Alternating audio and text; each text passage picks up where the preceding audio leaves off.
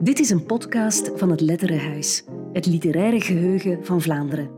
Elke laatste donderdag van de maand kun je onze literaire talkshow Stukken van Schrijvers bijwonen.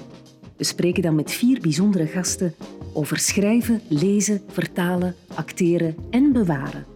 Je kunt de talkshows hier opnieuw beluisteren. Heel veel plezier. Dag allemaal, welkom bij Stukken van Schrijvers. Gerda den Dove schrijft, tekent en schildert. En naar schijnt is ze nogal ongerust over wat er met haar archief zal gebeuren.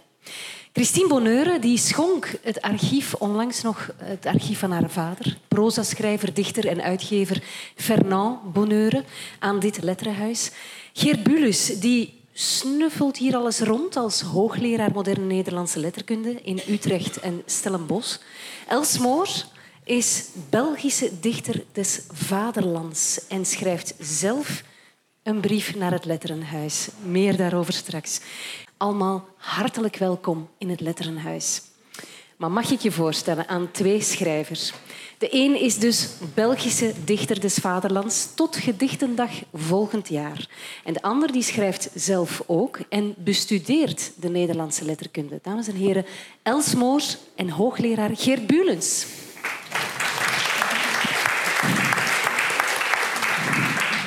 Geert, ik ga bij jou beginnen. Um, ja,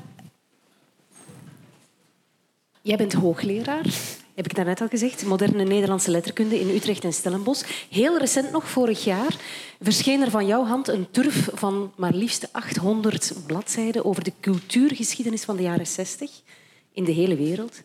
Jij bent daar meer dan acht jaar mee bezig geweest, heb ik mij laten vertellen. Dat is gigantisch. Jij zag zo'n 800 films uit alle werelddelen die illustratief zijn voor het tijdperk. Je beluisterde evenveel liedjes uit de jaren 60. Als er nu iemand iets moet kennen over opzoekingen in bibliotheken en archieven, dan denk ik dat jij dat bent. Nou, er zijn vast nog heel veel andere mensen ook, maar ik heb inderdaad heel veel tijd gespendeerd in, uh, in bibliotheken. Uh, hier om de hoek eigenlijk, in de, uh, in de erfgoedbibliotheek, heb ik heel veel oude kranten en tijdschriften doorgenomen. Dat heb ik ook in Stellenbosch gedaan. Ik heb in de, het archief van de Cinematheek in uh, Brussel gewerkt. In de Afrika-bibliotheek van de Universiteit van Leiden. En in een uh, bibliotheek in Harlem in New York, waar ze ook een hele grote collectie uh, zwarte cultuur en literatuur van de hele wereld hebben. Dus het belang van Dus het was- archieven en En de British. Library, mag Ja. ik niet vergeten, want ja, het British Library is wel een van de allergrootste collecties ter wereld. Ja. Ja. Met permissie, Geert. Jij was nog niet eens geconcipeerd in de jaren 60. Nee, Hè? Jij bent een kind van de jaren 70. Van waar jouw fascinatie voor de jaren 60? Nou Ja, misschien wel daarom, omdat ik eh, op verschillende momenten in mijn leven ben geconfronteerd met eh, 68ers. Eh, vooral in het onderwijs. Eh, ik heb echt eh, van hardcore 68ers les gekregen op de middelbare school. Ehm, en mijn ouders zijn ongeveer van dezelfde generatie, maar hebben helemaal niks met alles wat we associëren met de jaren 60 en 68. En dat vond ik wel een spannende eh, constellatie eigenlijk. Dat, we zo allemaal zo'n idee hebben van de jaren 60 waren X. En in X vallen dan wel mijn leraars, maar mijn ouders helemaal niet. Terwijl, ja, waarom niet eigenlijk? Was ook jaren 60. Waarom telt Ja. de ene cultuur meer mee dan de andere? En dus heb ik geprobeerd om een boek te schrijven waarin dus eigenlijk zowel die typische jaren 60 dingen zitten als de minder typische, die dan achteraf gezien typischer bleken te zijn. Eh, Want dus de meest bekeken eh, film uit de jaren 60 is The Sound of Music. En de best verkochte LP uit de jaren 60 is de soundtrack van The Sound of Music. Ah, dat is niet de Beatles of... Dat is eh, niet de Beatles. En dus die, die, die cultuur die we er niet mee associëren, die is dus eigenlijk in zekere zin typischer of representatiever voor de jaren 60. Ehm, en die Sound of Music, dat is, ligt eigenlijk al veel dichter bij de smaak van mijn ouders bijvoorbeeld dan, dan, dan de Beatles. Of, eh, We worden er ook nog elk jaar mee geconfronteerd met kerst. Hè? Precies. Ja, zo is Ja. dat. Ja. Ja. Eh, en dus ja, daarom eigenlijk. Ja. Ja. Ben jij hier in het Letterenhuis ook komen snuffelen voor eh, ja, inspiratie op te doen uit de jaren 60? Nou, niet echt eigenlijk. Ik heb, ehm, ik heb wel gebruik gemaakt van de online, online gegevens. Er is ergens een heel klein verhaaltje in het boek dat zich in Zuid-Afrika afspeelt, eh, overigens in Stellenbosch. En er werd op dat moment een uh, Antwerpse uh, acteur en regisseur, uh, Fred Engelen, die werd daar directeur van het theaterdepartement. En die heeft Ginder ook vlak voor het werd verboden nog een musical gemaakt samen met zwarte artiesten. Dus die heeft een, eh, een, musical gemaakt in de vroege jaren 60, uh, eh, eigenlijk vlak voor het verboden werd dat wit en zwart samen op een podium stond. En dus om een beetje biografische gegevens over hem te verzamelen, heb ik wel gebruik gemaakt van de, van de collectie hier. Maar voor al mijn vorige boeken heb ik hier heel uitvoerig uh, gewerkt. Uh, ik heb mijn doctoraat over Nostra geschreven, heel ja. veel gebruik gemaakt van alle knipselmappen die hier van alle dichters liggen. Ja. Ik heb een boek over de Eerste Wereldoorlog poëzie geschreven, waar ik ook gebruik heb gemaakt van handschriften die hier lagen van Belgische Eerste Wereldoorlogdichters en zo. Dus ja, dit is een plek waar ik al uh, van in de vroege jaren negentig kom. Ja, we hebben gevraagd om voor deze avond iets uit het archief te halen.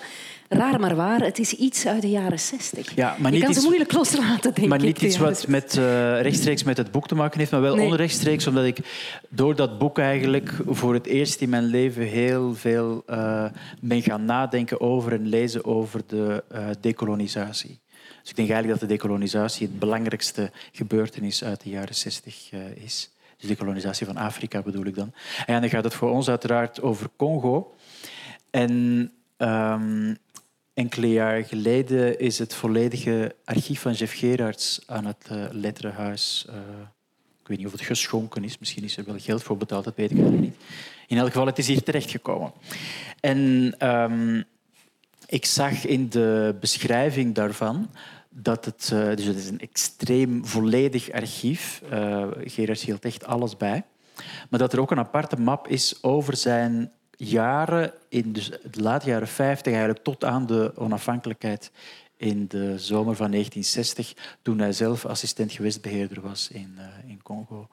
En um, dat zijn eigenlijk de jaren waar hij nadien zijn bekendste literaire werken uh, over heeft geschreven. Mm -hmm. En ik vroeg me af, wat zit er eigenlijk in dat archief dat je kan zien waar hij was geweest, wat hij heeft gedaan en vooral hoe hij heeft gedacht? Omdat de manier waarop Gerards over, de, over Congo uh, spreekt uh, nadien, en vooral ook de, de cultuur waarmee hij zich gaat associëren vanaf de late jaren 60, um, is eigenlijk ja, inderdaad die, die vrijgevochten jaren 60 uh, cultuur. Hè. Dus, uh, ja. Hij is uh, vooral bekend omwille van Gang Green. En dat, dat eerste boek dat was eigenlijk het meest seksueel vrijgevochten boek uit de Vlaamse literatuur tot dat moment. Um, nou, als je dat vandaag leest, dan ontdek je dus dat het nou ja, seksueel vrijgevochten is als je een heel merkwaardig idee hebt van wat seksualiteit is en van wat vrijgevochten zijn betekent. Want het is een door en door seksistisch en racistisch boek. Maar het is nog, nog meer seksistisch eigenlijk dan racistisch. Ja. Um, en ik vroeg me af, ja, wat zit er eigenlijk in dat archief van ja, de Gerard voor hij echt schrijver is? En dus voor hij aan zijn publieke imago begint te werken en te kneden. Was dat een andere Gerard? Het was een tamelijk andere Gerard, ja. Ik heb dus een document uit het uh, archief en het is geschreven op 23 mei 1960. Het is een, uh, een kort artikel dat hij schrijft over hoe volgens hem de uh, onafhankelijkheid van Congo zal verlopen en wat er de gevolgen van zullen zijn. En hij schrijft dat artikel en hij stuurt het op naar de linie in Brussel. En uh, interessant aan de brief waarmee hij het stuurt is dat hij zegt: Ik ben een trouw lezer van uw blad, maar ik ben vooral ook oud-student van de Paters Jezuïeten in Antwerpen. Mm -hmm. En dan ondertekent hij Jozef Geraars, adjunct gewestbeheerder. Ja. En dan zegt hij retorica 48 van het Onze Lieve Vrouwencollege. Dus eigenlijk tot twee keer toe in deze hele korte brief benadrukt hij dat hij de juiste katholieke credentials heeft om in dat extreem katholieke blad op dat moment zijn visie uh, op Congo te geven. Ja. Wat interessant is in het licht van, de, uh, van het imago van Gerards Nadine, eigenlijk hè, van de grote, wat ik zei, vrijgevochten uh, auteur die met katholicisme niks te maken, te maken hebben. Ja. Dus het is zeer merkwaardig dat hij dus in, in 19 1960 zich nog uh, tot twee keer toe op een halve bladzijde uh, tot dat ja, uitgesproken Roomse kamp rekent, zal ik maar zeggen. Mhm. En dan is er dus de tekst zelf, die uiteindelijk niet is gepubliceerd. Dus die zit enkel in het archief, die, die is verder nooit ergens gepubliceerd. Ook niet in, in latere Congo-boeken van, van Jeff Gerards. En het interessante hieraan is dus hij, hij, voorspelt dat het een totale ramp uh, zal worden, de decolonisatie uh, van Congo. Dus dacht ik een maand voor de decolonisatie. Het is, echt, uh, ja, het is eigenlijk vijf, vijf, weken voor Congo onafhankelijk ja. wordt. Maar hij zegt, ja, we maken eigenlijk nu um, de derde fase van de Molotov-periode door. Lijkt een beetje vreemd, maar hij zegt, ja, dus de Molotov die heeft ergens gezegd in Centraal-Afrika is er een land dat zeer vlug vier stadia zal doormaken. Nationalisme, onafhankelijkheid, anarchie, communisme. En, wat hij, en dus wat hij zegt is, we staan nu eigenlijk vlak voor onafhankelijkheid en dat zal anarchie worden. Ik zal jullie uiteenzetten waarom het zeker uh, anarchie zal worden. Maar wat het echt interessante hieraan is, is eigenlijk die link tussen nationalisme, onafhankelijkheid, anarchie en communisme.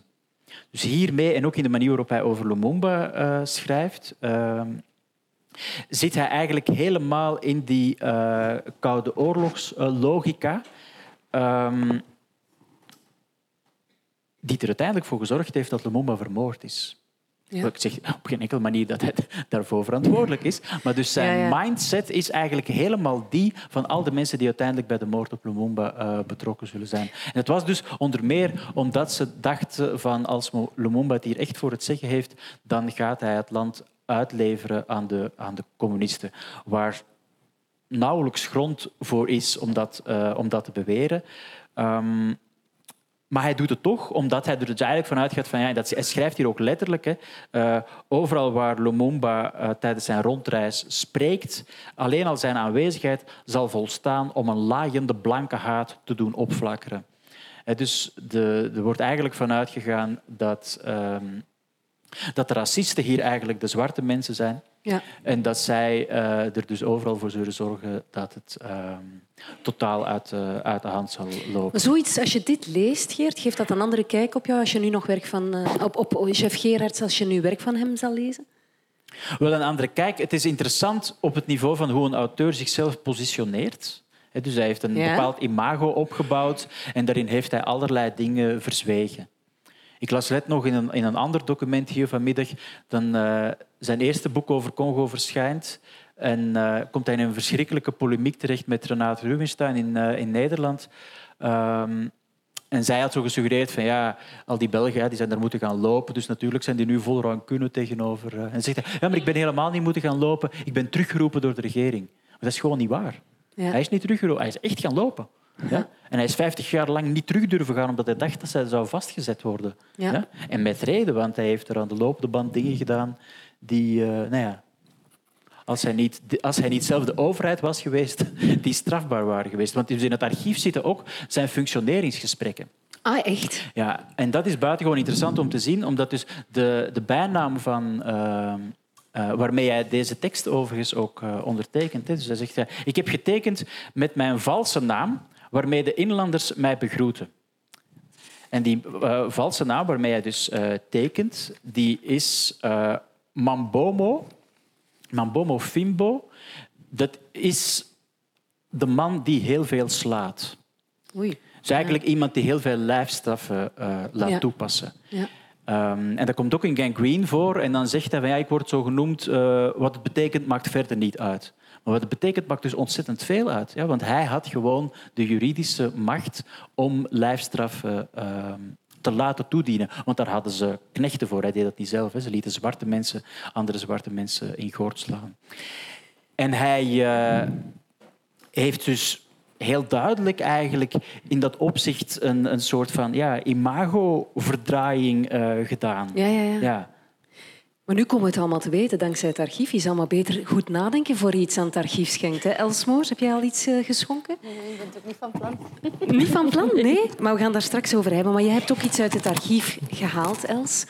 Een, uh, een brief toevallige ook uit de jaren 60. Ja, ik ben gevraagd om een... Uh, ik, ik worstel met mijn microfoon. Ik zie het.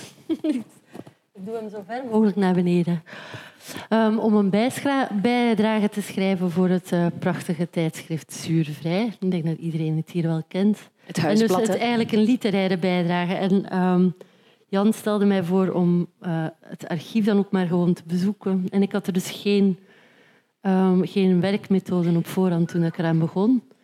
Maar ik kreeg dus wel een hele mooie, uh, dure rondleiding, waar, waar ik dus de, de, tijd kreeg om overal te gaan zoeken en kijken. En ik heb toevallig um, mij verdiept in de geweldige schrijver Richard Minne. Daar bleek ook dan weer... Dat is een heel interessant verhaal met communisme en begin van de eeuw. En zijn, maar ook echt over zijn schrijverschap. En dan Louis-Paul Boon. Dus ik vond het geen toeval dat ik dan dit vond. Um, de Rode Vaan. Een klein mapje met drie brieven. Ik heb ze meegebracht. Ja. Um, en de Rode Vaan, voor de mensen die het niet weten, is het Vlaams weekblad der Communistische Partij van België. Ja. En de brief stamt van um, 5 oktober 1967. En ik probeerde mij voor te stellen hoe dat, dat dan zou zijn als schrijver om zo'n brief te krijgen. Want het is eigenlijk een uitnodiging om de 50ste verjaardag van de Oktoberrevolutie te vieren in de jaren 70. Um, en ter gelegenheid daarvan willen wij een reeks vooraanstaande persoonlijkheden. Ik stel me dan voor dat, dat ik zo'n brief krijg van diverse overtuigingen uit de politieke, sociale, culturele wereld. Bla bla bla. En dan komen de vragen. En dan moet je liefst beknopt om voor de hand liggende redenen van plaatsruimte je kijk geven op onderstaande vragen. En toen ik dat las, het was echt alsof je een teletijdmachine en ik dacht, ja, dat is 70 jaar, 67, dat kan toch niet? Maar dat kan dus wel. Hoe heeft de Oktoberrevolutie gestalte gegeven aan de 20e eeuw? Welke was de bijdrage der Oktoberrevolutie tot de politieke, sociaal-economische en culturele emancipatie der minstbedeelden? Dat zijn zo van die dingen, snap je? Nee, niet goed. Hallucinant. Ik probeer mij voor te stellen dat ik nu die vraag krijg voor, om daar een bijdrage uh, aan te leveren. En dan ook decolonisatieproces. We zitten in hetzelfde thema. Um, nee, omdat dat voor mij lijkt dat pure fictie. Snap je? Maar die vraag was dus heel ernstig. Ja. Maar wat ik bedoel met fictie is gevoeld dat er een soort verlangen is dat er dus iets geweldigs aan de hand is in Europa in de 20e eeuw omwille van de uh, Oktoberrevolutie. En dan nu, zo 50, zoveel jaar later, want het is nu 100 jaar hebben ze gevierd in Rusland, snap je? Dan kom je met een heel andere werkelijkheid. En hoe dat, dat dus botst met de werkelijkheid. Ja. Het is... was denk ik toen minder opvallend, maar is nu extreem bijna stuitend om te zien in zijn naïviteit en in zijn uh, utopische... Er zit een enorm utopisch gehalte in die brief. En dat fascineert jou? Um, ik was eerlijk gezegd ontgoocheld dat het 67 was. Waarom? Omdat ik dacht, ja, als het, jaren, eh, als het vroeger geweest was, dan had ik het kunnen geloven, die taal. Ik dacht, wie bezigde die taal nog op die manier? Maar het, tegelijkertijd ik zeg dit met een groot verdriet, hè, omdat ik zou willen dat, daar ook, dat die vragen serieus gesteld zouden kunnen worden. Maar ik bemerk dus bij mezelf een soort cynisme. Dat ja. Ja. ja. Els, Jij bent eigenlijk met poëzie bezig hè? Ja. en met schrijven. Jij bent dichter des vaderlands. Ik vroeg me af, hoe word je zoiets? Um, dichter des vaderlands is in eerste instantie een project. Dus dat wil zeggen, er is een, de verschillende poëziehuizen in België zijn tot de constatatie gekomen dat de schrijvers, um, de Vlaamse schrijvers, gefixeerd zijn op de Nederlandse uitgeverswereld en eigenlijk hun collega's van over de taalgrens, dat bestaat dus een taalgrens, niet kennen. Terwijl het er toch um, een soort um, iets is wat ons bindt, wat we dan België noemen. Um, dus het, als ik zeg dat het een project is, het is de bedoeling om letterlijk op bezoek te gaan bij de buren en de schrijvers aan de overkant te leren kennen, tot onze eigen scha en schande. is dat, gebeurt dat veel te weinig. Ja. Maar goed, de Waalse schrijvers zijn gefixeerd op de Franse markt. Er zit een logica in. Hè? Wij zijn de, de, de kleintjes. De Vlamingen zijn met 6 miljoen, de Nederlanders zijn met 17 miljoen. De Waalse schrijvers zitten met dezelfde traditie. En de Franse traditie is heel sterk. Maar dus Dichter des Vaderlands is een poging om tegen de hele versplintering van België, omwille van de taal, om daar tegen in te gaan. Ja. Dat te zeggen, poëzie is wat ons verbindt. Ja, hetzelfde met muziek. Hè. Wij kennen ook niet de muziek die ze in Wallonië beluisteren, bijvoorbeeld. Hè. Dat gaat dan blijkbaar nog vlotter dan dat je Ja, denkt. toch? Want ik ben ooit een vriendin geweest van een jongen die in een popbandje speelt. En ik ben vaak mee geweest eh, naar Wallonië om daar op te treden in loesje cafés. Oké. Dus, Dus in Loesje over Café en zit het snor daar. Dat is goed. muzie- muziek en beeldende kunst raken sneller over de grens. Ja. Ja. Ik ben heel blij dat een vrouw dichter dus vaderlands is. Want bij dichter, tot mijn grote schande, denk ik nog altijd aan mannen. Toevallig was ik aan het surfen op het internet. Googelde ik Geert Bulus. Ik kom op een filmpje van een aantal jaar geleden, Geert, waarin jij zegt... In tegenstelling tot Nederland zijn dichters, vrouwelijke dichters, hier nog altijd een moeilijk gegeven. Het betert, maar het is nog altijd moeilijk. Hoe komt dat? Ja, ik weet het. We hebben er al even over gepraat hier voor de Dit, dit is niet iets wat in twee minuten uiteengezet Nee. kan worden. Het is mij opgevallen toen ik mijn proefschrift over, eh, over de Vlaamse poëzie van de 20e eeuw schreef. Hè. Dus ik, eh, ik probeerde te ontdekken hoe de poëzieopvatting van Van Ostaaien had doorgewerkt in alle volgende generaties in de, in de Vlaamse poëzie. En ik heb dus ja, vrijwel alle poëzie gelezen die tussen 1916 en 1996 is eh, ge- gepubliceerd in dit land. Overigens niet zo. Het klinkt extreem veel, maar Ja. aangezien het een beperkt taalgebied is, is dat wel te overzien. Ehm, en wat mij gewoon opviel, was dat het er heel weinig waren. En ook toen ik zelf in de literatuur debuteerde in de jaren 90, was er bijna niemand. Ehm, en het contrast met Nederland was groot. En ik ben in 2005 naar Nederland verhuisd. En het viel mij ook gewoon op hoe, ja, dat gewoon de, de, voor proza geldt dat ook, maar het geldt voor de, de uitgeverijen. De meeste Nederlandse uitgeverijen worden door vrouwen geleid. De belangrijkste redacteurs zijn vrouwen. Ehm, dus er is een, een, andere, een andere logica in de, eh, in de literaire wereld. Ehm, en het heeft dus eigenlijk tot de generatie eh, van Els en, dan, en, en sindsdien, eigenlijk sinds Els gaat het veel beter. Ja, eh, want Met sindsdien kan je eigenlijk een, eh, een hele reeks van, van Vlaamse vrouwelijke dichters noemen. Ja, en ik ben daar Nederland zelf heel dankbaar voor, omdat ik daar zelf dus in Nederland gaan studeren ben, tekst en beeld aan de Rietveld Academie.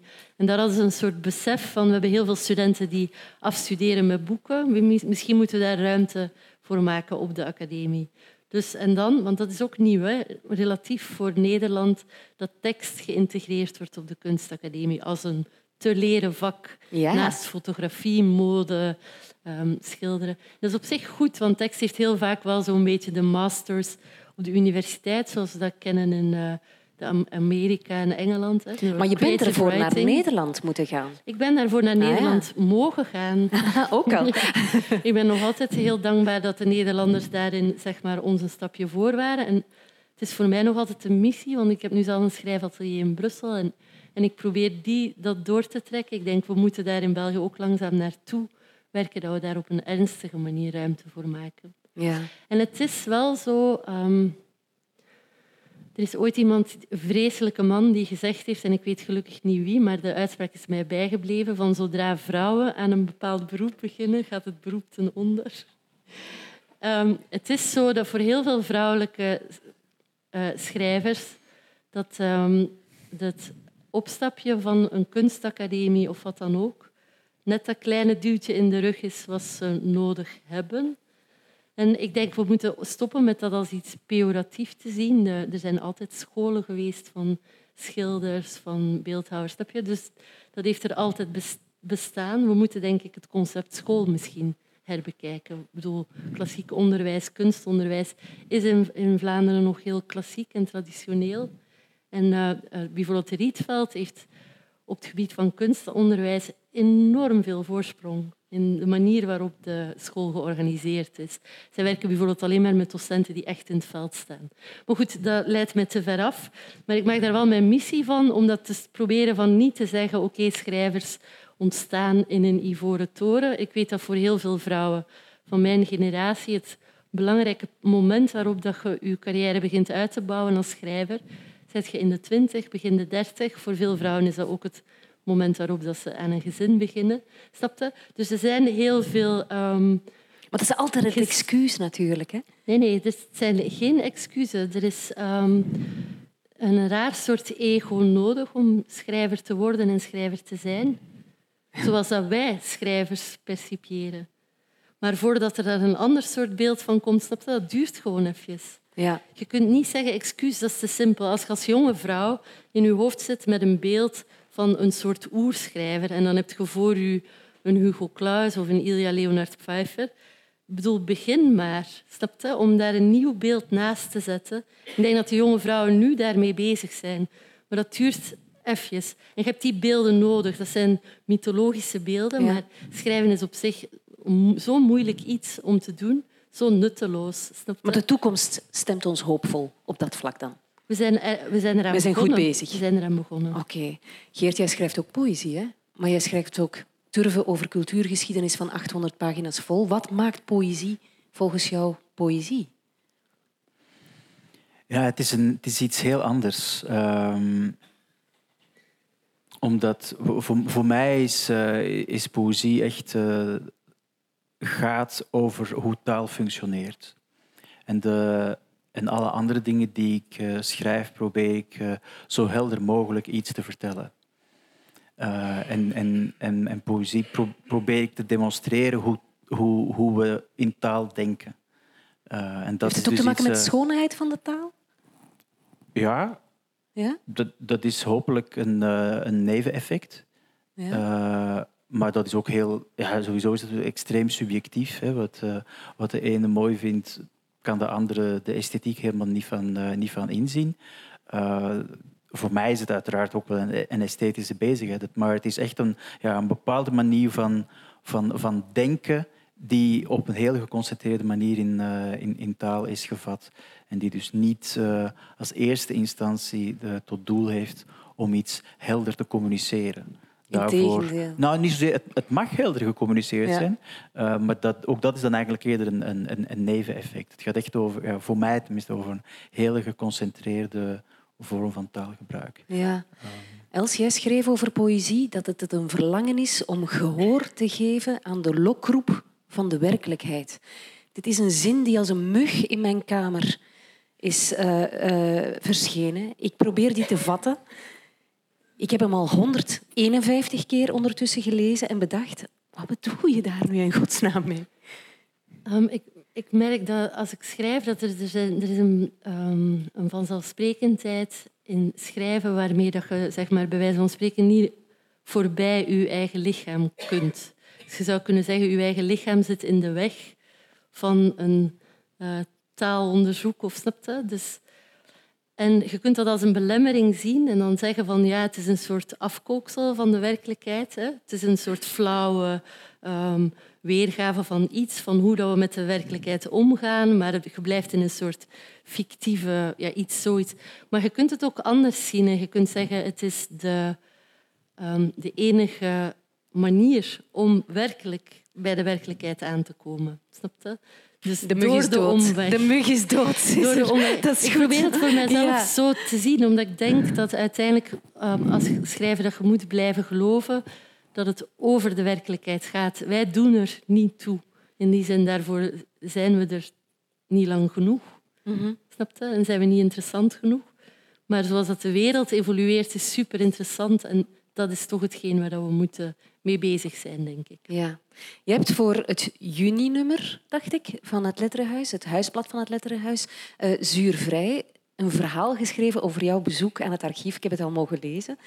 We gaan het niet helemaal voorlezen. Het zou ook echt een beetje eh, jammer zijn om de clue te verklappen, want het is, het is heel mooi. Het is heel grappig. Het is ook een beetje droevig. Een beetje tragisch ook. Komt dat goed met jou in het archief? Want jij bent echt wel bang voor dat archief. Hè? Want je zegt zelf, wat baat het eigenlijk als ik als een Houdini boeken schrijf om aan mijn bestaan en aan mezelf te ontsnappen? Als jullie bij gevolg de te vermijden pijnlijkheden aan de hand van een archief weer in de verf gaan zetten. Ja. De brief begint eigenlijk bij de, ehm, mijn aankomst eh, eh, aan het archief. En dat zijn de bedenkingen die ik heb als personage. Maar mijn personages ehm, probeer ik altijd zo te doen dat ze ehm, een deel zijn van mij, maar net iets kleiner dan mij, waardoor dat ik ze zeg maar, een beetje kan haten. Omdat je, hebt dat nodig als je aan het schrijven bent. Dus een heel klein beetje um, je personage laten leiden is goed. En dit personage is extreem ijdel. Dus uh, als je dit leest, dat is een soort omweg om te zeggen, ja, natuurlijk wil ik heel graag in dat archief belanden op een dag. Hè, ja, het streelt die ijdelheid toch wel. Hè? Ja. Ook de gedachte dat je dus als schrijver al zelf dingen naar het archief brengt. Wat brengt je dan? Snap je? Dat spreekt heel erg tot mijn verbeelding. Wat dat je, hoe dat je je als schrijver tot zo'n archief verhoudt. Dus ik, daar begint de probleemstelling van het verhaal. Maar zoals ik zei, um, het is een beetje ironisch bedoeld, maar het is wel gestoeld op een echte angst. Ik denk wel um, als schrijver dat je altijd inderdaad als een Houdini bezig bent met gewerkt met de werkelijkheid, maar je verstopt je ook weer achter een nieuwe werkelijkheid. Dat is het. Het hoeft niet zo, te, iedereen heeft zijn eigen werkwijze, maar bij mij werkt het wel. Maar in dat opzicht, um, de beste manier om je te verstoppen is achter de werkelijkheid. Dit, dit is, de hele brief is echt gebeurd. Dus als er iets is waar je aan twijfelt in de brief, dat je denkt, maar was het echt zo? Dan kunnen we zeggen dat het echt zo was. Er, zijn ook, er is ook sprake van briefwisselingen en zo. En dan dacht ik, dat is mooi dat die brieven, als er mensen geïnteresseerd zijn in die brieven, kunnen ze die brieven ook echt opvragen. Is het waar? Alles, alles is er. Dus alles wat er vernoemd wordt, is er ergens. En, dus, um, en dat vond ik, vond ik het mooie om het archief zelf, zeg maar, het concept archief te gebruiken als een soort... Uh, zo'n babushka, snap je? Je kunt blijven door, doorgaan. Ja, en dan 60 jaar later zitten we hier, of zitten mensen tenminste, over Els te praten, halen ze die brieven boven en zeggen ze dan, zoals bij Jeff Gerards, van...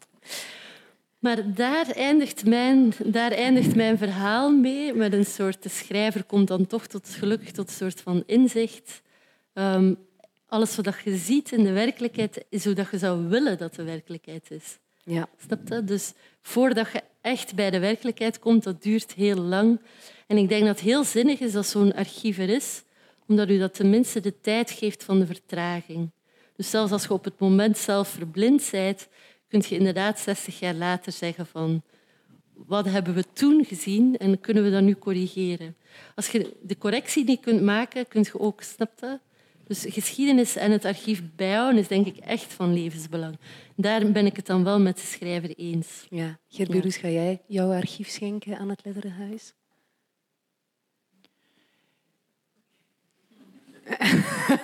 ik weet het eigenlijk nog niet. Want het, eh, eigenlijk het fascinerende bij, bij deze hele Gerards-affaire is... Waarom schenkt iemand die op dat moment toch nog bij volle bewustzijn was een archief waaruit zal blijken dat een groot deel van zijn imago op leugens is gebaseerd. dat niets was zoals het was. Ja, niets was zal ik niet zeggen, maar, het is... Toch veel uh, niet was. Het, ja, ik, ik begon met de eerste map en ik, ik viel drie keer van mijn stoel. Dus het is... Uh, wat ik nog vergat te vertellen daar straks was, ik, ik ging over die functioneringsgesprekken. Hè, dat, En toen draagde ik de draad kwijt. Maar dus in die functioneringsgesprekken zeggen ze elk jaar opnieuw... Ja, Jeff Gerards is een fantastische uh, assistent gewestbeheerder. Uh, maar hij zou een beetje kalmer moeten zijn. Hij zou zich een beetje moeten inhouden. Dus zelfs zijn overste zeiden van... Ja, hij geeft die mensen hier gewoon te veel klappen. Ja. Kortom, ik zal nog eens goed naar mijn archief moeten kijken voor ik het aan het letterhuis kan schenken. Maar ik ben er zeker van dat er later wordt gezegd dat jullie fantastische gasten waren. Els Moors, Geert Bulus, dank je wel.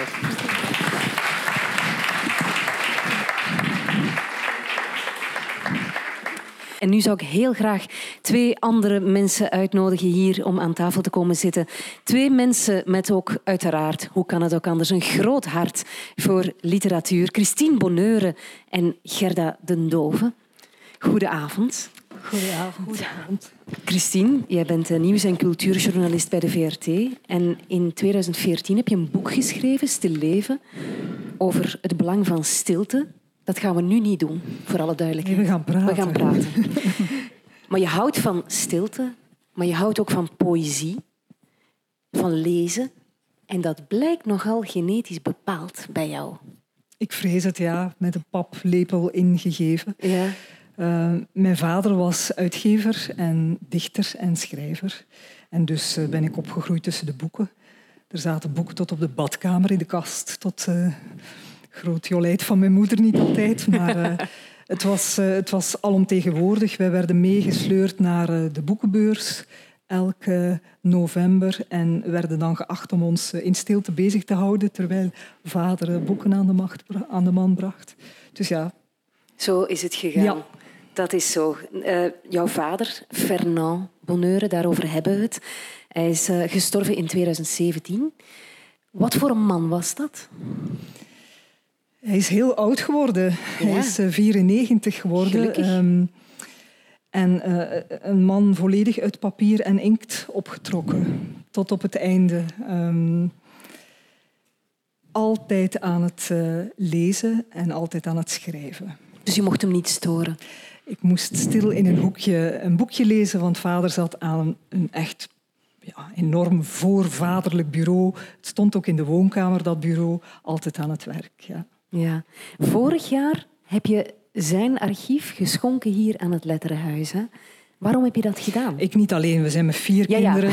En we waren het er meteen over eens dat dat moest gebeuren. Er waren trouwens al contacten gelegd. Hij had eh, zelf door mijn vader zelf geschonken. Uh, had contact met, uh, met Leen van Dijk hier van het Letterenhuis om dat ooit te laten gebeuren. En het lag in de lijn van de verwachtingen dat het zou gebeuren. En het is niet op een betere plek kunnen terechtkomen dan hier, denk ik. Dus ik ben heel dankbaar dat, dat het hier terechtgekomen is. Het was ook best veel. het was veel, het stond in de weg.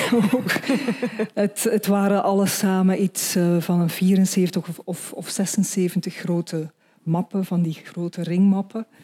Vijf strekkende meter heb ik intussen uh, gezien hier in, het, in de kelder. En wat zat daarin? Daar, daar, niet het archief van de uitgeverij, dat zit in het Rijksarchief in Sint-Niklaas, maar alle andere dingen. Um, heel veel dingen ook over beeldende kunst, want dat was zijn tweede passie. Ja. Niet alleen de letteren en de poëzie en, en, boeken, maar ook beeldende kunst. Hij heeft heel veel geschreven en contact gehad met, uh, met, met uh, artiesten en daar ook over gepubliceerd. Dus dat is een groot deel van, van die, die mappen. En het andere deel, wat voor mij het het boeiendste was, want we hebben dat eigenlijk allemaal doorgenomen. Dat moet ik wel even vertellen. In, in de winter, mappen. In de winter tussen, hij is in september overleden en in maart is het archief hier aangekomen. En in die winter hebben we met alle vier de kinderen de taken wat verdeeld en al die mappen doorploegd, waar hij heel vaak al zelf een soort van inventaris had gemaakt, maar dan nog was het heerlijk om daarin te verdwalen, omdat we zoveel dingen niet wisten. Ja, ik wou net vragen, heb je een andere man leren kennen? Want ja, jouw vader, die, je wordt verondersteld van die man goed te kennen. Hè? Ja, op een andere manier natuurlijk, hè, als vader. Maar niet als, uh, als uh, man van een uitgeverij die, die onderhandelt met auteurs over, over geld in veel gevallen. Dat, dat, dat hebben we nooit te horen gekregen.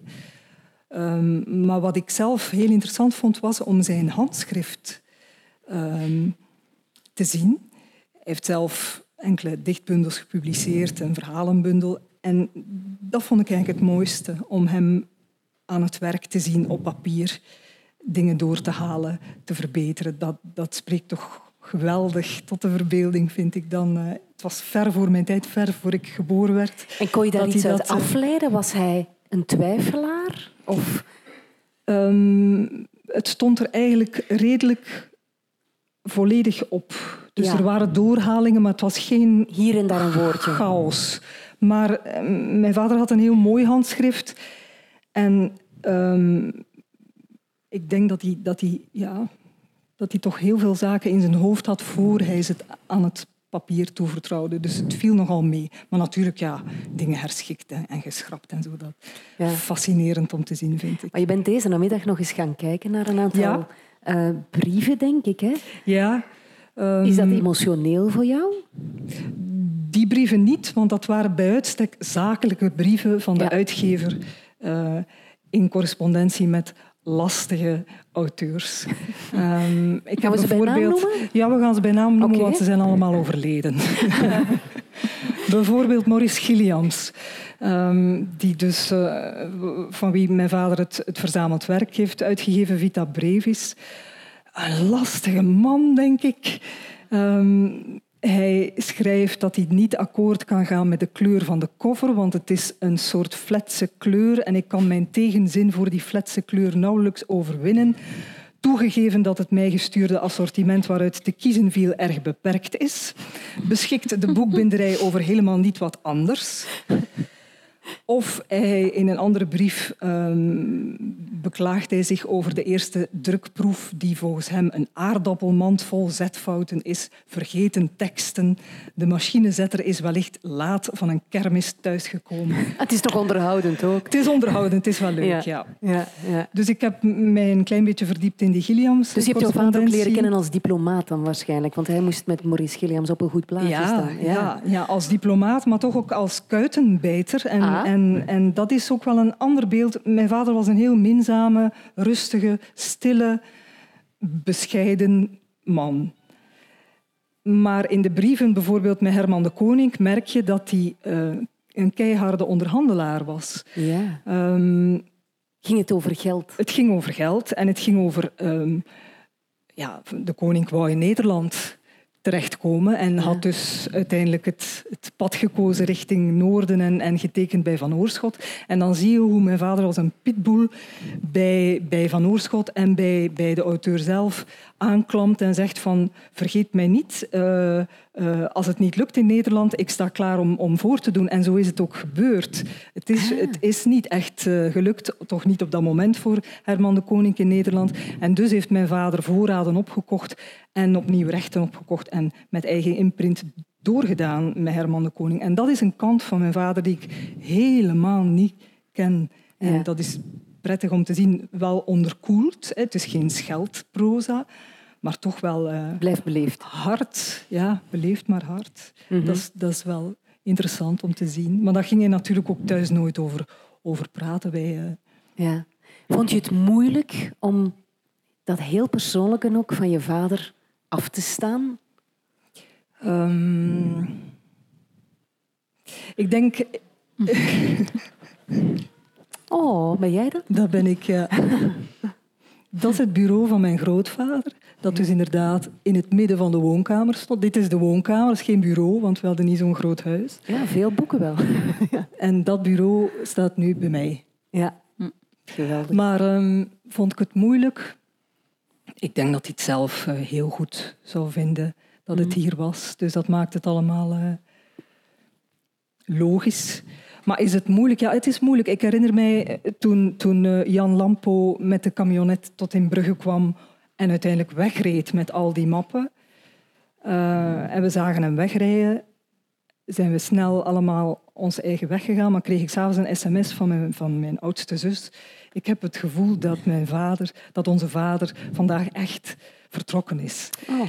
Dat was wel pakkend. Het had ook bij haar in de gang gestaan, een winterlang. dus het stond bij haar bij uitstek wat uh, in, in de kijker. Mhm. Maar ja, toen was hij echt weg. Ja, maar hij is niet weg. Maar hij, is niet hij wordt goed bewaard. Hij er wordt heel goed voor gezorgd.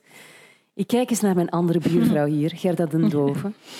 Jij geeft les in illustratie in Gent. Jij illustreert, jij schrijft uh, kinder-, jeugdboeken, theaterstukken. Enfin, daar houdt het mee op. Ja, maar het is al veel. Ik spreek misschien een heel klein beetje uit de biecht, maar de mensen van het Letterenhuis hebben mij verteld dat jij toch wel enige vrees hebt om jouw archief ergens ja, aan een letterenhuis te schenken. Ja, als ik het net hoorde van eh, Geert Bulders en, en als de, eh, was het uh, hetzelfde. Iedereen heeft toch een klein beetje schrik om uh, inzicht te geven in die interne keuken. En ik hou heel veel dingen bij, dat klopt ook wel. Brieven, um, kattenbelletjes, uh, faxen van vroeger. Um, waarvan ik eigenlijk ook niet weet of, of er nog iets te lezen is, want dat was op thermisch papier. Zelfs cassettes. En onlangs dacht ik, uh, ah, ik breng alles naar Containerpark. Niemand heeft daar, uh, heeft daar uh, zaken mee. En, uh, en toen was ik hier en zei, ah nee, alles wordt hier fijn bewaard. En je mag gerust zijn als je zegt, binnen de termijn van 100 jaar wordt het niet geopend. Dan zullen we dat respecteren. En dan denk ik, oh, dat is misschien een geruststelling. Is dat? Maar anderzijds denk ik, ach, so what? Wie, wie heeft er iets aan? Dit vind ik nu wel heel interessant. Of, of de dingen die ik net ook hoorde van, uh, over, uh, dus van Geert Bulles ook, dacht ik, wauw, dit is wel uh, confronterend. Bij mij zal, ik denk niet dat er zulke ontdekkingen te, te vinden zijn. Misschien moet ik ze er nog rap inschrijven. Ik kan eigenlijk nu beginnen aan uh, schriftvervalsing. Ja, dat is waar. Brengt mij op eigenlijk. ideeën. Ja, ja, ja, ja. Je moet uh, leren Ja. uit wat hier gezegd is geworden. hè. Dat Ja. is zo. Ja. Christine, ik ga nog heel even terug naar jou, want jij bent ook eh, jurylid voor de, Herman de Koninkprijs. Ja. Eh, je hebt een voorliefde voor poëzie. Is die, is die liefde begonnen eigenlijk bij de poëzie van je vader? Weet jij dan nog hoe dat is ontstaan? Zeker niet bij de gedichten van mijn vader. Want jouw zelf. vader heeft ook gedichten ja, geschreven. Die heb ik pas later Ja. leren kennen. Maar bij Herman de Koning misschien wel, ja. Ehm, ja, ik kreeg het te lezen. Eh, niet De Lenige Liefde, de eerste bundel die hij uitgaf. ehm, want dat was in 69, toen was ik nog maar drie. Maar de bundels van de jaren 70 eh, en 80 eh, heb ik gelezen als tiener. En, en die, die vielen op vruchtbare grond, zal ik maar zeggen. Ik was meteen eh, mee. En daar is de liefde begonnen, ja. En, Ja. en, en dat jury, eh, zijn, jurylid zijn van de Herman de Koningprijs, ik, ik vond dat eigenlijk wel heel leuk. Het zal wel Ja, zijn. Jij bent dus echt op de hoogte. Zijn er veel vrouwen Ja, tegenwoordig? er zijn ik zal veel vrouwen. eens vragen aan ja, jou. er zijn heel veel vrouwen. Heel veel vrouwen? Heel veel vrouwen. Ja, Ja? Er waren ook in, bij de zes laatste drie vrouwen, drie mannen. Geen, niet omdat we dat op een weegschaaltje hebben gelegd, maar ja, er waren heel veel vrouwen. Maar dat is blijkbaar iets van de laatste tien jaar misschien, of niet veel langer dan, dan, dan Mannen zijn beter in marketing dan? Op dit moment zie ik niet zoveel verschil eigenlijk. Nee? Ik denk ook, en dat is misschien nog niet aangeraakt, maar ik denk dat het ook meespeelt dat eh, poëzie het, de- het papier verlaten heeft en de bundel verlaten heeft en de straat op gaat. En, ik lees en poëzie op Instagram tegenwoordig. ook, ja, ja, Ja. Of, of, of dichters en dichteressen lezen voor. Of, of, of, Ja, eh, ik ben een paar, vorig jaar gaan fietsen met een aantal dichters eh, eh, in het zog van, van dichters van de Eerste Wereldoorlog. Er, er- er gebeurt van alles. En ik denk dat daar veel meer plek komt voor, eh, voor vrouwelijke Ja, het zit misschien ook. meer in de soort performance Ja. en eh, het podium Ja. dat eh, geboden wordt aan Ja. dichters. Ja. Wat natuurlijk niet de. Herman de Koningprijs dan weer behandelt, want dat zijn nog altijd de papieren bundels, maar het, het is wel één, in één bedding dat het allemaal stroomt. Er is iets aan het gebeuren. Ik voel stroomt, het. ja. Ja, ja, Ja. ja. Ik had het net over jouw, jouw herinneringen aan, aan, aan literatuur als kind eigenlijk. Kinderliteratuur. Heb jij daar herinneringen aan? Wat las jij als kind? Ehm, elk, elk jaar een dik brunatje van op de boekenbeurs. Ik heb ze nog allemaal. Omdat het in de uitgeverij Ja, te krijgen was. ja niet, niet bij de uitgeverij van mijn vader, maar dan, ja, die kenden elkaar. Mhm. En op die manier werd de collectie opgebouwd. Mijn kinderen hebben die stuk gelezen en nu zijn die naar eh, Mhm. neefjes en nichtjes vertrokken. Ehm, ki- kinder, ja, echte kinderliteratuur. Ik denk dat ik echt pas wakker werd vanaf een jaar of tien of twaalf met, met eh, Thea Beckmans en Mhm. Jan Terlouws. En, eh, dat- ja, ja. Daar heb ik, Maar het zijn al romans, ja, echt, hè? daar Dat heb ik eigenlijk al, eh, meer ja. herinneringen aan dan, dan echte kinder, kinderboeken. Ehm, Ik vraag het Ja. eigenlijk omdat Gerda in het archief is gaan snollen hier en Mhm. ehm, naar boven is gekomen met iets wat eigenlijk mijn jeugd heeft gekleurd als Mhm. literatuur. Dat begon in de kleuterklas. Gedichtjes van Annie M.G. Schmidt. Mhm. Die waren fantastisch. Ik was er dol Die zijn, die zijn nog altijd fantastisch, alhoewel eh, dat daar ook een beetje op wordt neergekeken. Want die heb ik ook in een, haar, ja, eigenlijk in een vroegere tekst eh, of een correspondentie van haar gevonden. Eh, ik denk dat Morien zei, ja, dat is geen literatuur, dat is... ah, waardoor er meteen een hele polemiek was. Maar dat terzijde, ehm, dat is ook mijn jeugd natuurlijk, Annie M. G. Schmidt. Alhoewel je als kind ehm, heel vaak de auteurs niet onthoudt. Eh, als ik het vraag, als ik in een, eh, zelfs bij een lerarenopleiding vraag of ze zich nog iets herinneren uit dat hen voorgelezen werd als kind of een boek wat ze lazen als kind. De meesten kunnen niks verzinnen. En dan zeg ik, ah, misschien heb ik het fout geformuleerd. Eh, Kun je nog een, de sfeer van een boek herinneren? Hè? Of een boek wat je heel mooi vond. En dan beginnen ze te beschrijven. Waardoor ik kan zeggen, oké, dat is dat boek of dat boek. Want als ja, kinderen die onthouden geen Nee. auteurs, of, eh, hè, dat weten wij nu eigenlijk Nu, wel. het is wel het hè. voordeel dat Annie M.G. Schmidt gedichten schreef, want dan moest je altijd zeggen eh, de titel en dan Annie M.G. Schmidt. Ja, dat Dus klopt ook Het werd jou Ja, ja, ja. ja. ja zo heb ik het. Ja, want eigenlijk... ehm, ik, ik heb, eh, behalve de gedichten, heb ik ook geen eh, boeken van haar gelezen toen ik klein was. Dat is ook veel later gekomen. Ja. Maar ik herinner mij wel, als je vraagt, zo, de dingen uit mijn jeugd. En, en het is eigenlijk een anekdote. Toen ik klein was, was er een bibliotheek aan onze school eh, van de zusters. En alle boeken in de bibliotheek die werden verpakt in bruin uh, kraftpapier. Hè? Dus kon je eigenlijk de prenten niet zien. En er was er in mooi handschrift de titel opgeschreven.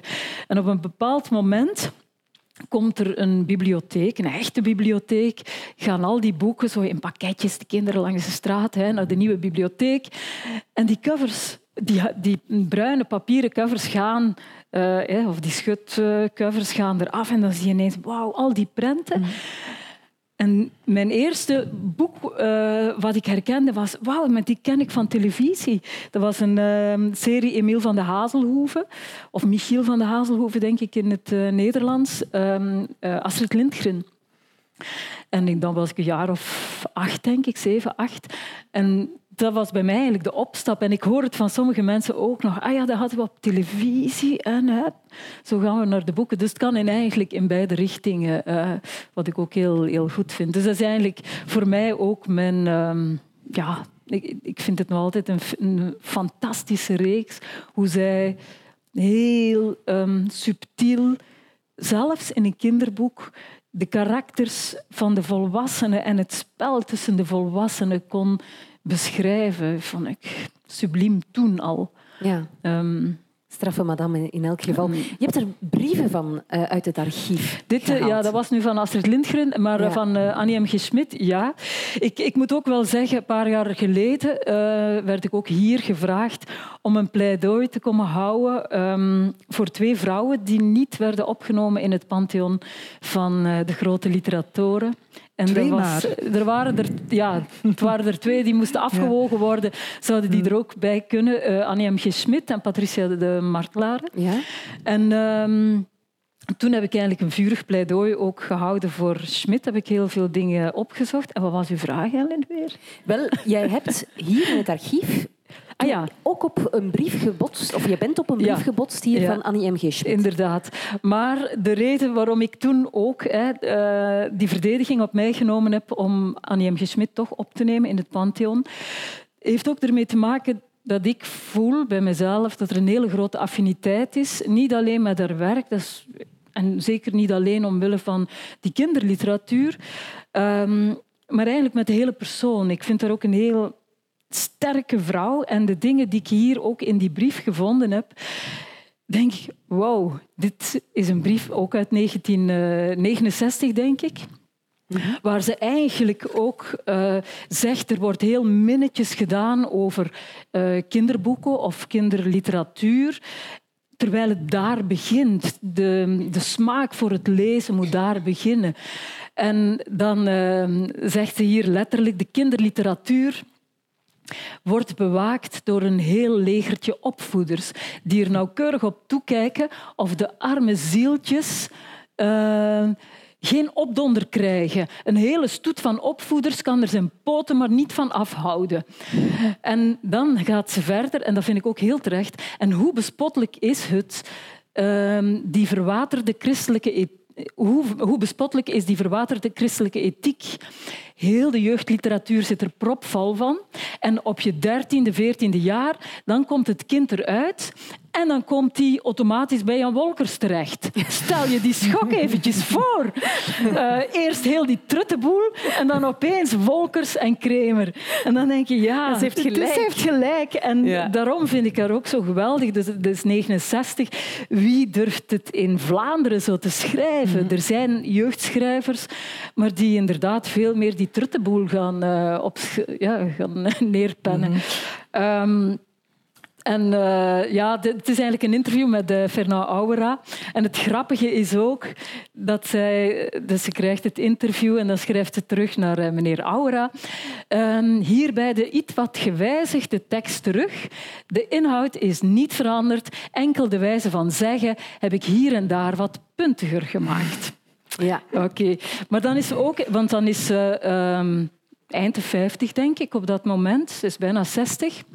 Maar ze is ook heel erg mee met haar tijd. Natuurlijk schrijft ze ook heel lang al voor het cabaret.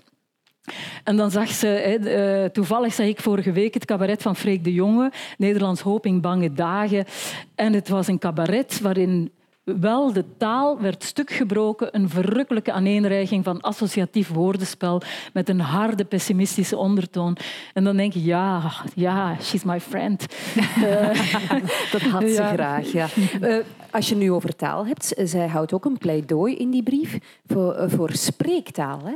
Ja. Ze zegt, mag de man in de straat alsjeblieft eens begrijpen waarover het gaat? Ja. Nu, het, uh, op een bepaald moment uh, zegt ze ook... Er, ja, de, de, literatuur, de, de vraag wordt ook gesteld of je als schrijver geëngageerd moet zijn en of je ook zo'n uh, ja, politiek geïnspireerde boeken moet schrijven. En uh, dan zegt ze, ja, wat kan mij het schelen als... Um, en nu weet ik niet meer waar het precies staat, maar het is ook weer een hele grappige uitdrukking. Oh, sorry hoor, ik heb een beetje fout achterstevoren gekopieerd. Uh, ze schrijft over het marxistische jargon. En uh, ze zegt, nee, een schrijver hoeft, uh, hoeft eigenlijk niet per definitie geëngageerd te zijn ja. in de zin van ik moet uh, op de barricades gaan staan, maar die kan eigenlijk heel geëngageerd zijn omdat die naar de wereld kijkt en de wereld van buiten naar binnen brengt zonder echt politieke statements te maken. Ja, ze noemt het een doodgriezelige tendens mm -hmm. dat uh, um, alles wat geschreven moet worden maatschappelijk geëngageerd moet zijn of politiek, direct politiek. Ja. Ja, en dat zegt ze ook. En dat vind ik het uh, vervelende aan uh, die geëngageerde literatuur van die jonge mensen die dan eigenlijk een, een, soort marxistisch jargon, en dat zegt ze erbij, ik heb niks tegen marxisme, maar het jargon is zo... Um, zo uh, ja, intellectueel allee, gebruikt en geformuleerd. Wat denken die studenten, die welmenende studenten, dan wel dat ze op die manier de arbeiders achter zich kunnen krijgen? Ja, uh, die mensen die, die verstaan gewoon niks ervan. En, uh, ja. Dus dan spreekt ze ook over Fellini of Bergman en dan, of Antonioni en dan zegt ze nee, politiek nee. Maar ze zijn wel geëngageerd mee met hun tijd. Dus ik vind, ik vind daar ook zeer... Um, ja, ze houdt echt de vinger aan, aan de pols. Maar tegelijkertijd wordt toch wel heel vaak afgedaan als light verse.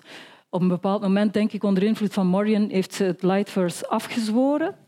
En dat is een van de dingen, dat zegt ze in een ander artikel, waar ze heel veel spijt van heeft, dat ze zich heeft laten overdonderen door andere literatoren. Dat moet je niet doen, volg je stem. En, uh, maar ik moet nu ook wel toegeven, ik vind daar... De dingen die ze schrijft voor cabaret vind ik soms ja, ze zijn, zijn geestig, zijn heel ritmisch, zijn, zijn ook scherp. En er zit ook altijd een soort nou, kritische en dubbele, ja. zeker dubbele bodem in. En een soort pessimisme ook. En dat vind ik ook heel belangrijk als ik dan over mezelf nadenk. Als ik dingen maak voor kinderen, dan zijn er drie heel belangrijke parameters. En dat is mijn doelgroep sowieso. Dat zijn die kinderen. Hè.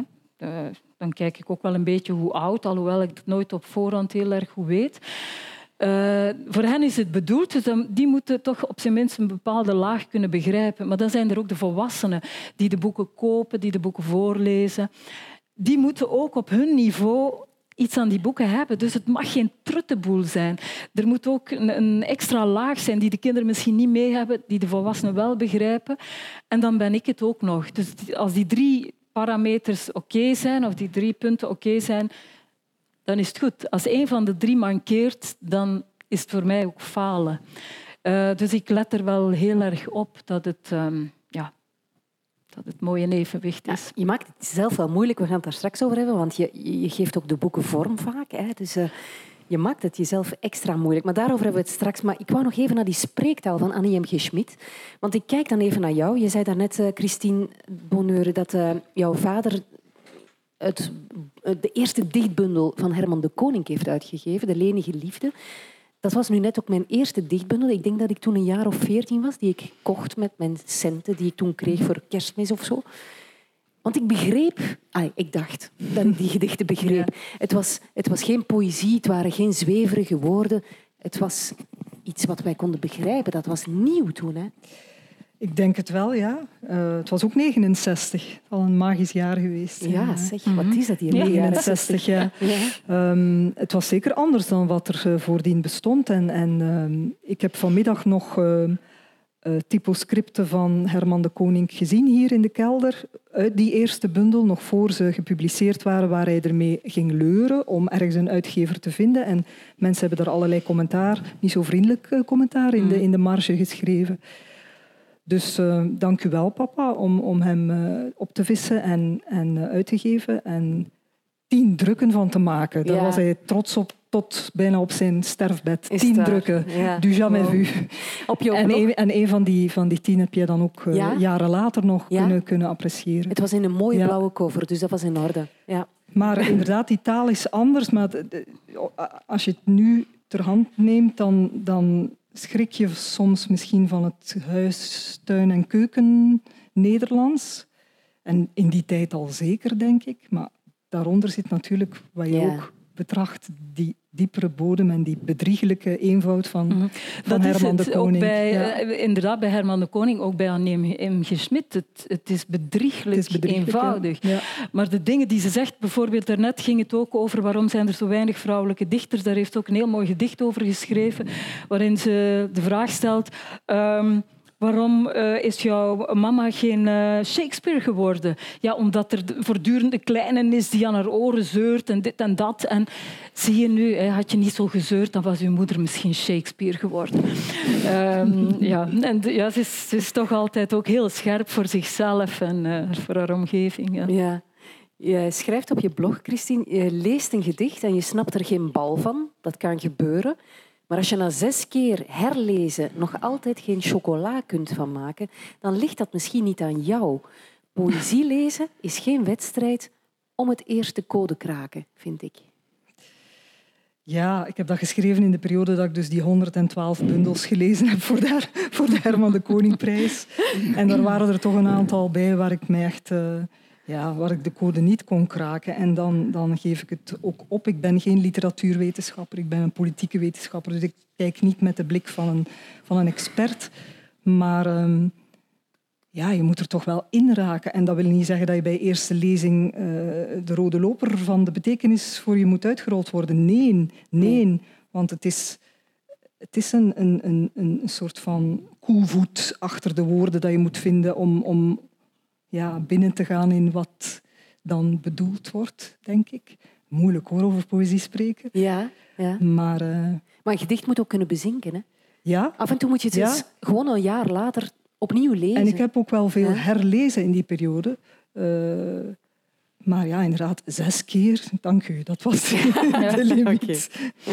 Gerda, ik ga nog eens terug mhm. naar jou, want ik zei van je maakt het jezelf extra moeilijk. Jij illustreert ook boeken, je illustreert mhm. ook je eigen boeken.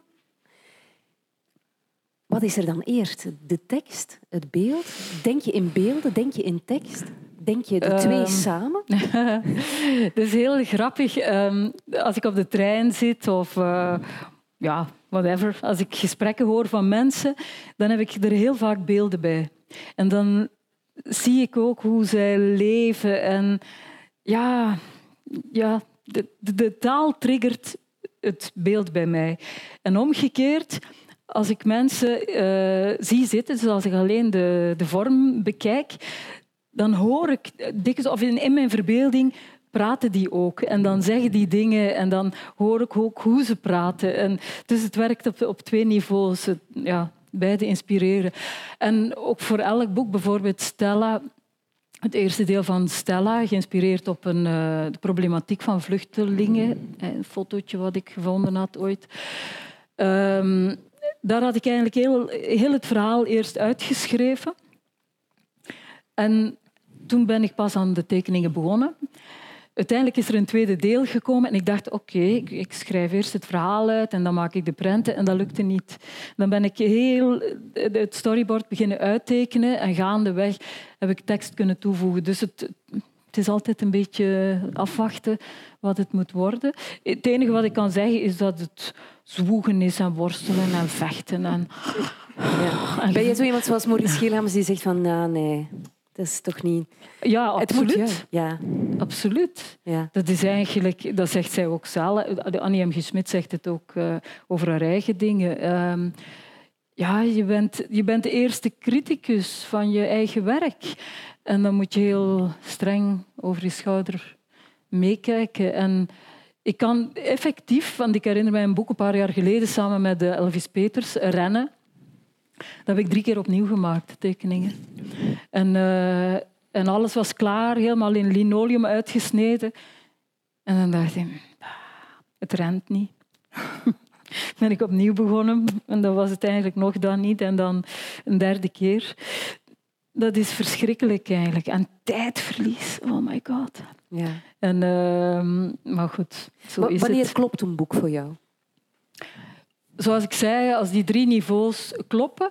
En wat ik ook merk, hoe ouder ik word, uh, ik, ik kan niet zomaar meer iets doen. Alles moet een, uh, een, reden, een reden hebben. Het is te zeggen, het, uh, ja, een soort engagement ook. Uh, het moet ertoe doen. Ik, ik moet iets te vertellen hebben. En anders zie ik de zin er niet van in. Het vraagt te veel inspanning om het ja, zomaar te doen. Wat niet wegneemt dat het, dat het uh, altijd een leidersweg is. Eigenlijk het fijnste is prutsen en bezig zijn en proberen en opnieuw proberen. En het eindresultaat interesseert mij meestal niet. Ik, ik laat die boeken ook altijd eerst een halve week in de doos zitten als die toekomen. Echt? Ja, en dan ga ik de doos eens open doen en dan bekijk ik eens van ver wat erin zit. Oké. En dan een paar dagen later ga ik er eens een uithalen en dan ga ik eens kijken. Zo, oké. En dan, dus dan moet, um, ik vind het altijd een ontzettende confrontatie en de angst bekruipt mij als er een nieuw boek uh, aankomt. Dat ik zo heel ontgoocheld zal zijn over ja. uh, het uitzicht. Maar goed. Is het ooit al ja. gebeurd? Ja, tuurlijk. Ja. zoals, dat, zoals uh, Maurice Gilliams het ook uh, zei. Ja. Hè? Ik, herinner mij, ik herinner mij uh, een, een, hevige discussie tussen Herman de Koning en mijn vader op de boekbeurs. Ik was nog zelf 14, 15.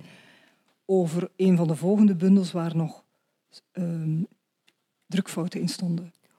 En, en hij was terecht boos natuurlijk, hè, de mm -hmm. koning. En, en ja, mijn vader probeerde dat dan. dat is dan rechtgezet in een volgende druk en zo, maar mm. dat is. Um, hij had alle recht om kwaad te zijn, maar dat is. Mm ja. ja. Logisch dat je daar supergevoelig voor bent. Voor, voor inderdaad de kleuren, de, de lettertypen, laat ja, staan bent, fouten. Je, je hebt die, als auteur heb je, heb je jaren gewerkt aan iets. Ja, en dan, en moet, dan je het afgeven. moet je het afgeven. Iemand zal daar een vorm voor bedenken ja, of en drukken. De perfectie is niet van deze wereld. Er zitten zoveel stapjes tussen. Tuurlijk. Er kunnen altijd Tuurlijk. fouten, ja, ja, fouten gebeuren. Absoluut. Maar het is heel frustrerend, denk ik, als je dan zoiets merkt. Dat, uh...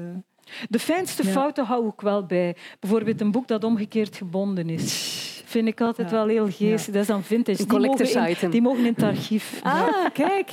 Oh, je hebt al een Die hele wel. metamorfose doorgemaakt eigenlijk op die Ja, twee uur ja, hier ondertussen. Het is niks Ja. persoonlijk. Hè? Nee, nee, nee. nee. Mm. Goed. Zeg, ehm, over het letterhuis gesproken. Jij wilde een pleidooi houden. Hè? Ja. Ja, maar dat, eh, dat weten ze hier ondertussen. Eh, ja, er moet meer eh, kinderliteratuur komen ook. Ja. En wij spreken inderdaad nu nog eh, vrij recent over kinderliteratuur. Tot een paar jaar geleden werd er ook aan mij eh, eh, dikwijls de vraag gesteld: ah, heb je nog een boekje gemaakt? Heb je nog een boekje geschreven? Een kinderboekje geschreven? Oh my god. Ehm, daar, waarmee ik wil zeggen, het is de goede literatuur voor kinderen is zeer belangrijk. Dat ja, opent hun ogen. Dit is ook de, teaser voor, voor later. En als er nu gesproken wordt van uh, de literatuur aan de universiteit, er zijn minder inschrijvingen, er wordt minder gelezen, ook in lerarenopleidingen. Ja, er is Waar moeten die hun referenties halen? Er is geen pers meer. Uh, bibliothecarissen, in het beste geval, of mensen die een boekhandel hebben, die kunnen nog een beetje advies geven. Maar het is heel moeilijk. Dus de pers uh, is, is literatuur niet, niet goed gezind en zeker niet kinderliteratuur. Er zijn geen prijzen meer voor kinderliteratuur. Oh, zijn er geen, geen boekenpauwen of ja, welpen? Of, wow, of... dat is zo... Ja... De, de Gouden Uil voor kinderliteratuur bestaat ook niet meer. Hè? Dus Ja. dat is afgeschaft. Uh, en dan was er eerst nog de jaarlijkse boekenpauw. Op een bepaald moment zou Fortis een engagement voor tien... Nee, nee, wat was het? Een, een engagement, een langdurig engagement. Dat hebben ze drie jaar volgehouden.